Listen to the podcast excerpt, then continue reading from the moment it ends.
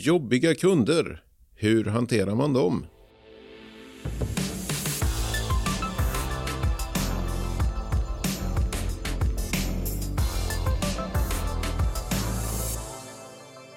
Kunden har alltid rätt, säger man. Men stämmer det?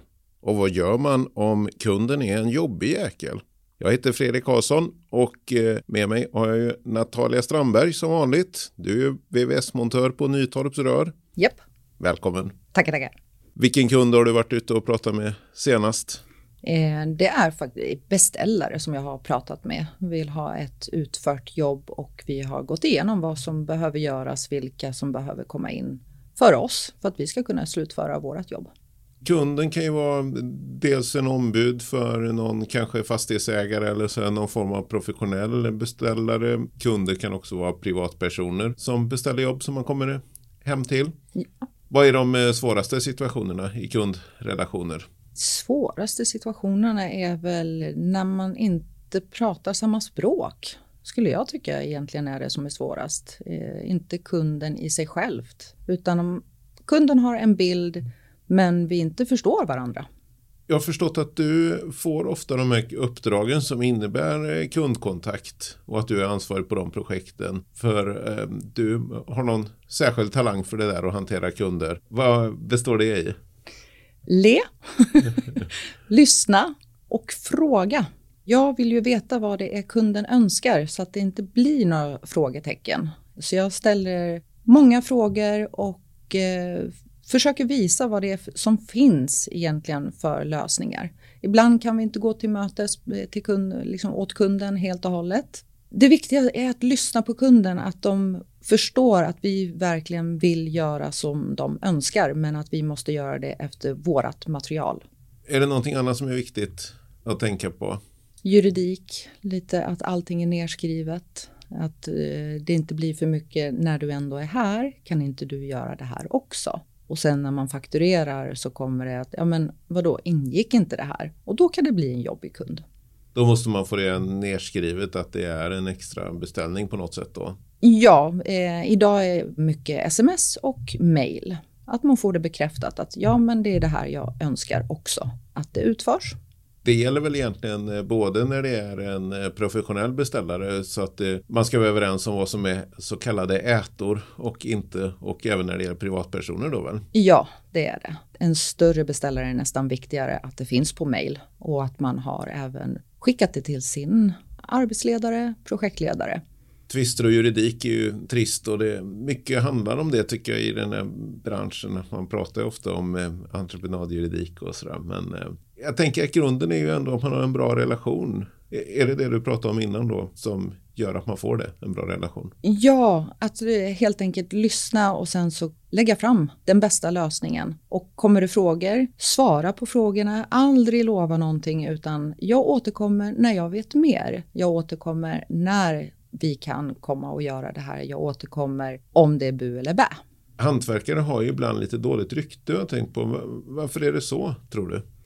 Många gånger är det tyvärr någonting som eh, brukar kallas för mains planning. Att eh, mannen står och säger ja men så här ska det bara vara. Och sen när kunden frågar men hur då? Jag förstår inte riktigt. Ja men du, du, är inte, du är inte proffs, det är jag som kan det här. Så sluta fråga så mycket. Den kan ju bli lite dum. Utan istället bara, ja men okej, backar ett steg och förklarar en gång till. Förstod du vad jag menade? Eller är det någonting annat som du undrar? Och så fortsätter man tills verkligen kunden förstår vad det är för någonting vi försöker komma fram till egentligen. Och där har du egentligen lösningen då också hur man ändrar på det här med ryktet. Ja, vi är hantverkare, vi är människor fortfarande. Vi reagerar olika på när någon kommer och säger någonting. Men att man tar ett extra andetag ibland när kunden säger att jag ska bara ha så här. Ett extra andetag och bara okej, okay, men nu kan vi bara göra det på det här viset. Kan vi komma överens hur vi löser det på bästa sätt? Kan du berätta någonting om de jobbigaste kunderna du har varit med om? Då är det faktiskt inte bostadsrättsinnehavaren själv utan det var en arkitekt som var inblandad. Och eh, den arkitekten tyckte, designerarkitekt, tyckte att vi skulle göra på ett visst sätt och när jag säger att vi får inte göra så enligt byggnorm, då var, blev vi ordentligt osams och eh, arkitekten hade ju sålt in det helt och hållet till innehavaren och när vi förklarade att det går inte för då, und- eh, ja, vi kommer göra fel, då fick vi kunden ändå och beställa så som vi ville göra, utföra jobbet. Vi körde över helt enkelt arkitekten. Hur är det annars? Har du varit med om eh, kunder som hänger över axeln när du jobbar? Det är en klassiker. Jag får höra flera gånger att andra har reagerat på att eh, tycker du inte att det var lite jobbigt att eh, kunden stod bakom och tittade hela tiden? Nah, nej, nej, jag har inte tänkt på det på det viset. Ja, men vadå, de var hela tiden. Ja, men jag är tjej. Det brukar vara automatiskt att de kanske tittar lite extra och nyfiken. Många gånger så vågar ju kunder fråga för att jag är tjej. För att de känner sig lugnare, att jag kommer inte säga du, jag kan det här. Tyst. Mm. Utan var okej, okay, ja men så här funkar det. Om du gör så här så kan du lösa det på det här viset. Och om du trycker på den knappen så får du ut det här. Att jag helt enkelt eh, gör en eh, installationsgenomgång med kund på plats. Så det blir inga speciella frågetecken. Är det vanligt att de bråkar om priser då? Privatkunder, ja. Jag har hittat det på nätet. Det var betydligt billigare. Och så ber jag om att de visar vad det är för någonting de har hittat. Och så tar jag fram själva materialbeskrivningen. Och då är det många gånger att eh, det är inte material för det jag ska göra utan det är något liknande. Vi har lite högre krav helt enkelt i Sverige på både material för tryck och även spillvatten. Det går inte att köpa allting på Biltema och Jula. Nej, det var väl ett eh, bra tips. Om vi summerar dina andra eh, tips eh, som du hade tidigare här. Hur tacklar man jobbiga kunder och får en bra kundrelation? Le sa du och sen var det? Le och tydlighet. Fråga, fråga, fråga, fråga, fråga. Inga ja. frågetecken.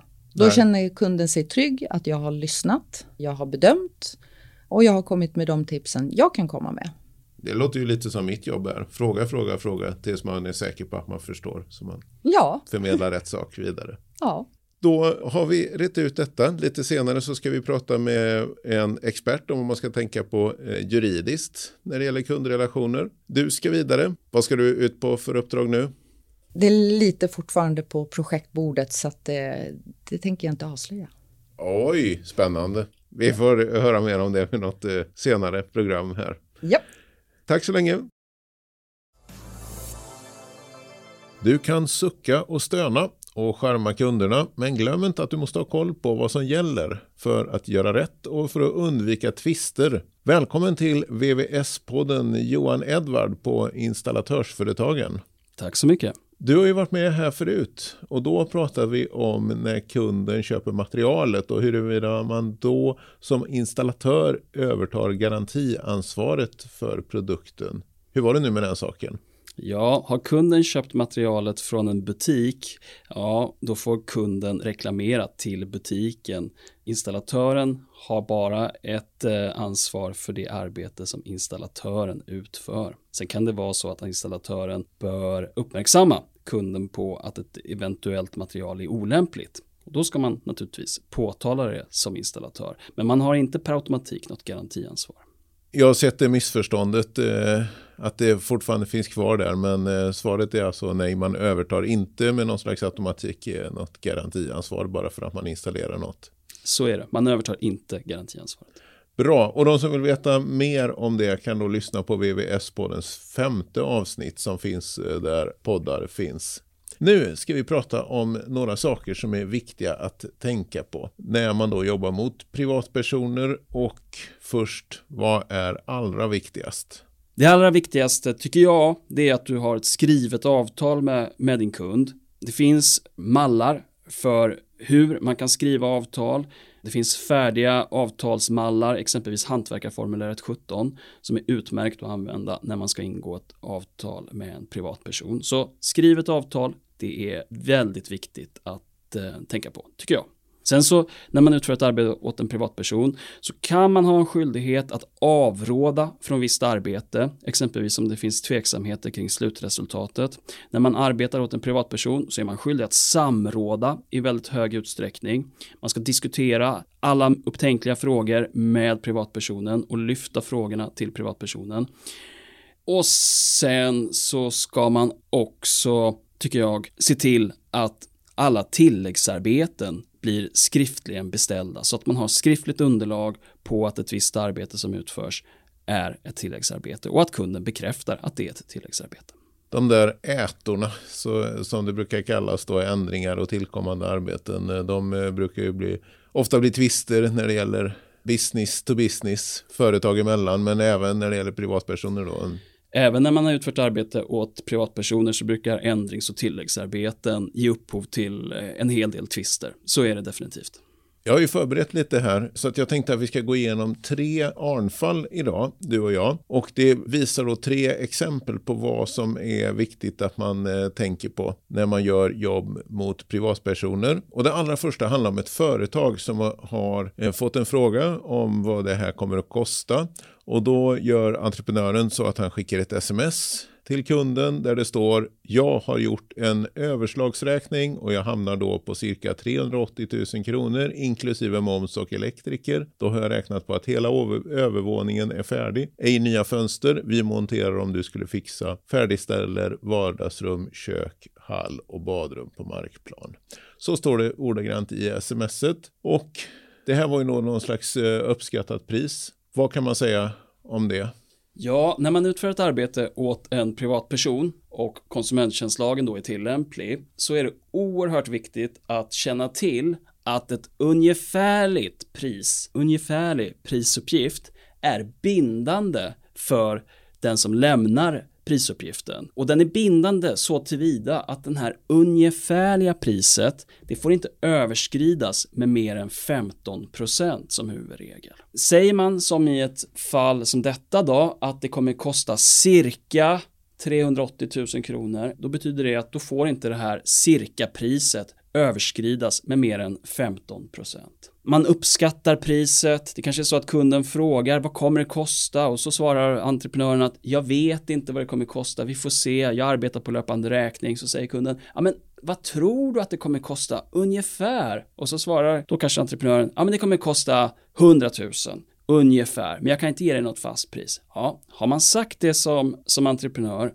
då är man så att säga bunden av den uppgiften så tillvida att det inte får överskridas med mer än 15 procent. Det här är en väldigt viktig regel att känna till. Man, får, ja. man måste ha det här i åtanke när man så att säga lämnar ungefärliga priser då, till privatpersoner. Jag hade hört talas om den där eh, regeln att man inte får överskrida med mer än 15 procent på ett uppskattat pris. Men, men jag reagerar ändå det där på just då att det här var lite slängigt uttryckt i, i ett sms och ändå räknas det då som ett uh, uppskattat pris. Ja, det gör det. Det spelar ingen roll om det är sms eller om det är muntligen vid ett möte Lämnar man prisuppgiften så blir man bunden av det. Och i det här fallet så hade det ju lämnats i ett sms vilket gör att det finns ett eh, konkret bevis på exakt hur entreprenören har formulerat sig. Då. Så det här är typiskt exempel på hur, hur en entreprenör då kan bli bunden av ett pris trots att entreprenören då kanske inte riktigt själv har klart för sig att, det här, att följden här blir en bundenhet. Då i det här fallet så vill ju entreprenören, det visar sig ju bli mycket dyrare så entreprenören vill ju ha kanske dubbelt betalt eller något men ja. Eh, det gick ju inte. Ja, man ska inte nämna det heller som du sa. Inte heller, även muntligt så är det fel att säga ett uppskattat pris då. Det är ju bindande. Det är ju lika bindande så att säga om du lämnar det muntligen som om du lämnar det skriftligen. Då. Ja. Sen så kan det naturligtvis vara så att med muntliga uppgifter så det är ju svårt, kan vara svårt att bevisa exakt vad som har sagts muntligen. Då. Man kan ha olika uppfattningar i efterhand om vad som har sagts muntligen. Men har det lämnats skriftligen på det här sättet, ja, då har ju så att säga konsumenten här ett tydligt och starkt bevis på vad som är sagt. Jag tänker ändå att många konsumenter vill ju veta vad det kostar. Finns det något sätt att komma runt det då? Just den här regeln i konsumenttjänstlagen är ju svår att komma runt så tillvida att den, den medför en bundenhet. Svaret är väl att nej, har man lämnat en prisuppgift så, så måste man vara klar över att den kan bli bindande då på olika sätt för, för entreprenören. Ja, för jag tänker alltså, om jag är kund, jag vet ju inte om det här är någonting som man kan fixa på en timme eller en vecka. Så det, man skulle vilja ha någon hint där, men... Ja, det, ja. så, så, är det ju naturligtvis och det är ju därför den här typen av uppgifter ofta då så att säga entreprenören mer eller mindre tvingas lämna den här typen av uppgifter. Då. Men då måste man ha klart för sig att då måste man ha det i åtanke, ha det i bakhuvudet att lämnar du en prisuppgift, även om du skriver att den är, den är en cirkauppgift, den är ungefärlig, du kan inte lämna fast pris och så vidare. Men så fort man ger en prisindikation då, så, så kan den så att säga vara bindande då för, för entreprenören. Gör inte det, får vi säga till entreprenörerna. Nej, eller, om du gör det så måste du ha i åtanke att den kan ge upphov till bundenhet eller att den ger upphov till bundenhet. Då. Just det. Ja. Då måste man ju räkna ordentligt. Absolut. Och inte bara uppskatta. Nej. Det vi kastar oss över nästa fall här. Det var en montör som eh, hoppade över fixturen när han skulle montera en golvbrunn. Kunden eh, klagade och vände sig till Allmänna reklamationsnämnden.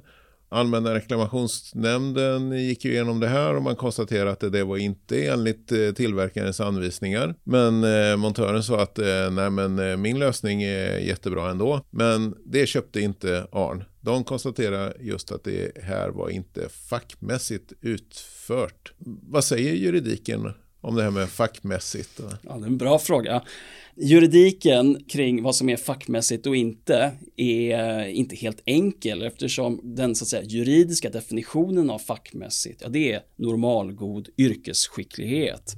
Men det man kan ta fasta på när man bedömer vad som är fackmässigt, det är att tillverkarens anvisningar och montageanvisningar som absolut huvudregel ska följas. Alltså gör man avsteg från montageanvisningar så finns det en uppenbar risk att en domstol betraktar arbetet som icke fackmässigt. Alltså, med andra ord, vill du vara fackmässig och vara säker på att du har arbetat fackmässigt, ja då ska du också följa tillverkarens anvisningar. Där ser man. Är det samma sak då? Jag vet när det gäller till exempel säker vatten och andra branschregler och så. De har ju varit uppe i domstolar och så. Och där man tar ställning till det med fackmässigt och så. Ja, man kan säga att vill du vara säker på att du utför ett arbete fackmässigt så bör du följa säker vatten, säker vattens anvisningar. Absolut. Ja, branschregler har en sån status så att det kan användas på det sättet. Det kan det göra. Det kan det göra. Ja. Man kan se det som att det finns olika typer av måttstockar för fackmässighet, men just sådana här skrivna regelverk, exempelvis tillverkares montageanvisningar, säker vatten och så vidare. Det är uttryck för vad som är fackmässigt utförande. Just det, och då får du ju den typen av regler en väldigt tyngd. Det får det, det får det, absolut. Mm. Tredje fallet här att gå igenom, det handlade om ett jobb åt en privatperson som var fyllt av fel och brister. Sen så kom ett annat företag och tog över det här jobbet. De blev ansvarigt för det första företagets missar. De tog alltså över kontraktet och då även garantin. Det kom Allmänna reklamationsnämnden fram till. Hur kunde det gå till så? I just det här fallet så är det här lite speciellt för i det här fallet så hade den så att säga nya entreprenören garanterat, om jag fattar det rätt, mot så att säga privatpersonen att den nya entreprenören skulle uppfylla alla skyldigheter som den tidigare entreprenören hade gentemot privatpersonen. Och det är lite ovanligt skulle jag säga att eh, en ny entreprenör som, som så att säga tar över ett arbete ingår den här typen av avtal med den här typen av formuleringar. Okej, okay, så det här är ingenting standardmässigt att man bara för att man tar över ett jobb från någon annan att man skulle ta över hela kontraktet med garantiåtaganden och liknande? Nej, i det här fallet så var det inte bara så att de kom till arbetsplatsen och så att säga fullföljde arbetet utan de hade också avtalat gentemot privatpersonen att de skulle ha samma skyldigheter som det så att säga första företaget hade haft mot privatpersonen. Och den typen av överenskommelser är enligt mig väldigt sällsynta.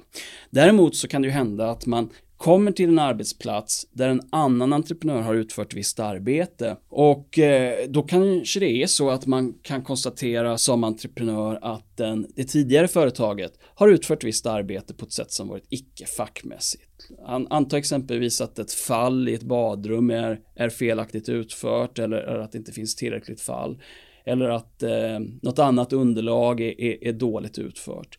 Ja, då bör man nog eftersom man har då en samrådsplikt och man har en så att säga avrådande skyldighet som entreprenör enligt konsumenttjänstlagen. Ja, då bör man så att säga flagga upp det här för privatpersonen och förklara att Hörru du, det här tidigare arbetet som det tidigare företaget som varit här och arbetat har utfört, det arbetet är faktiskt inte fackmässigt. Jag kan inte så att säga utan vidare bara fullfölja det här utan jag tycker att det här arbetet som jag kan notera här bör göras om i grunden.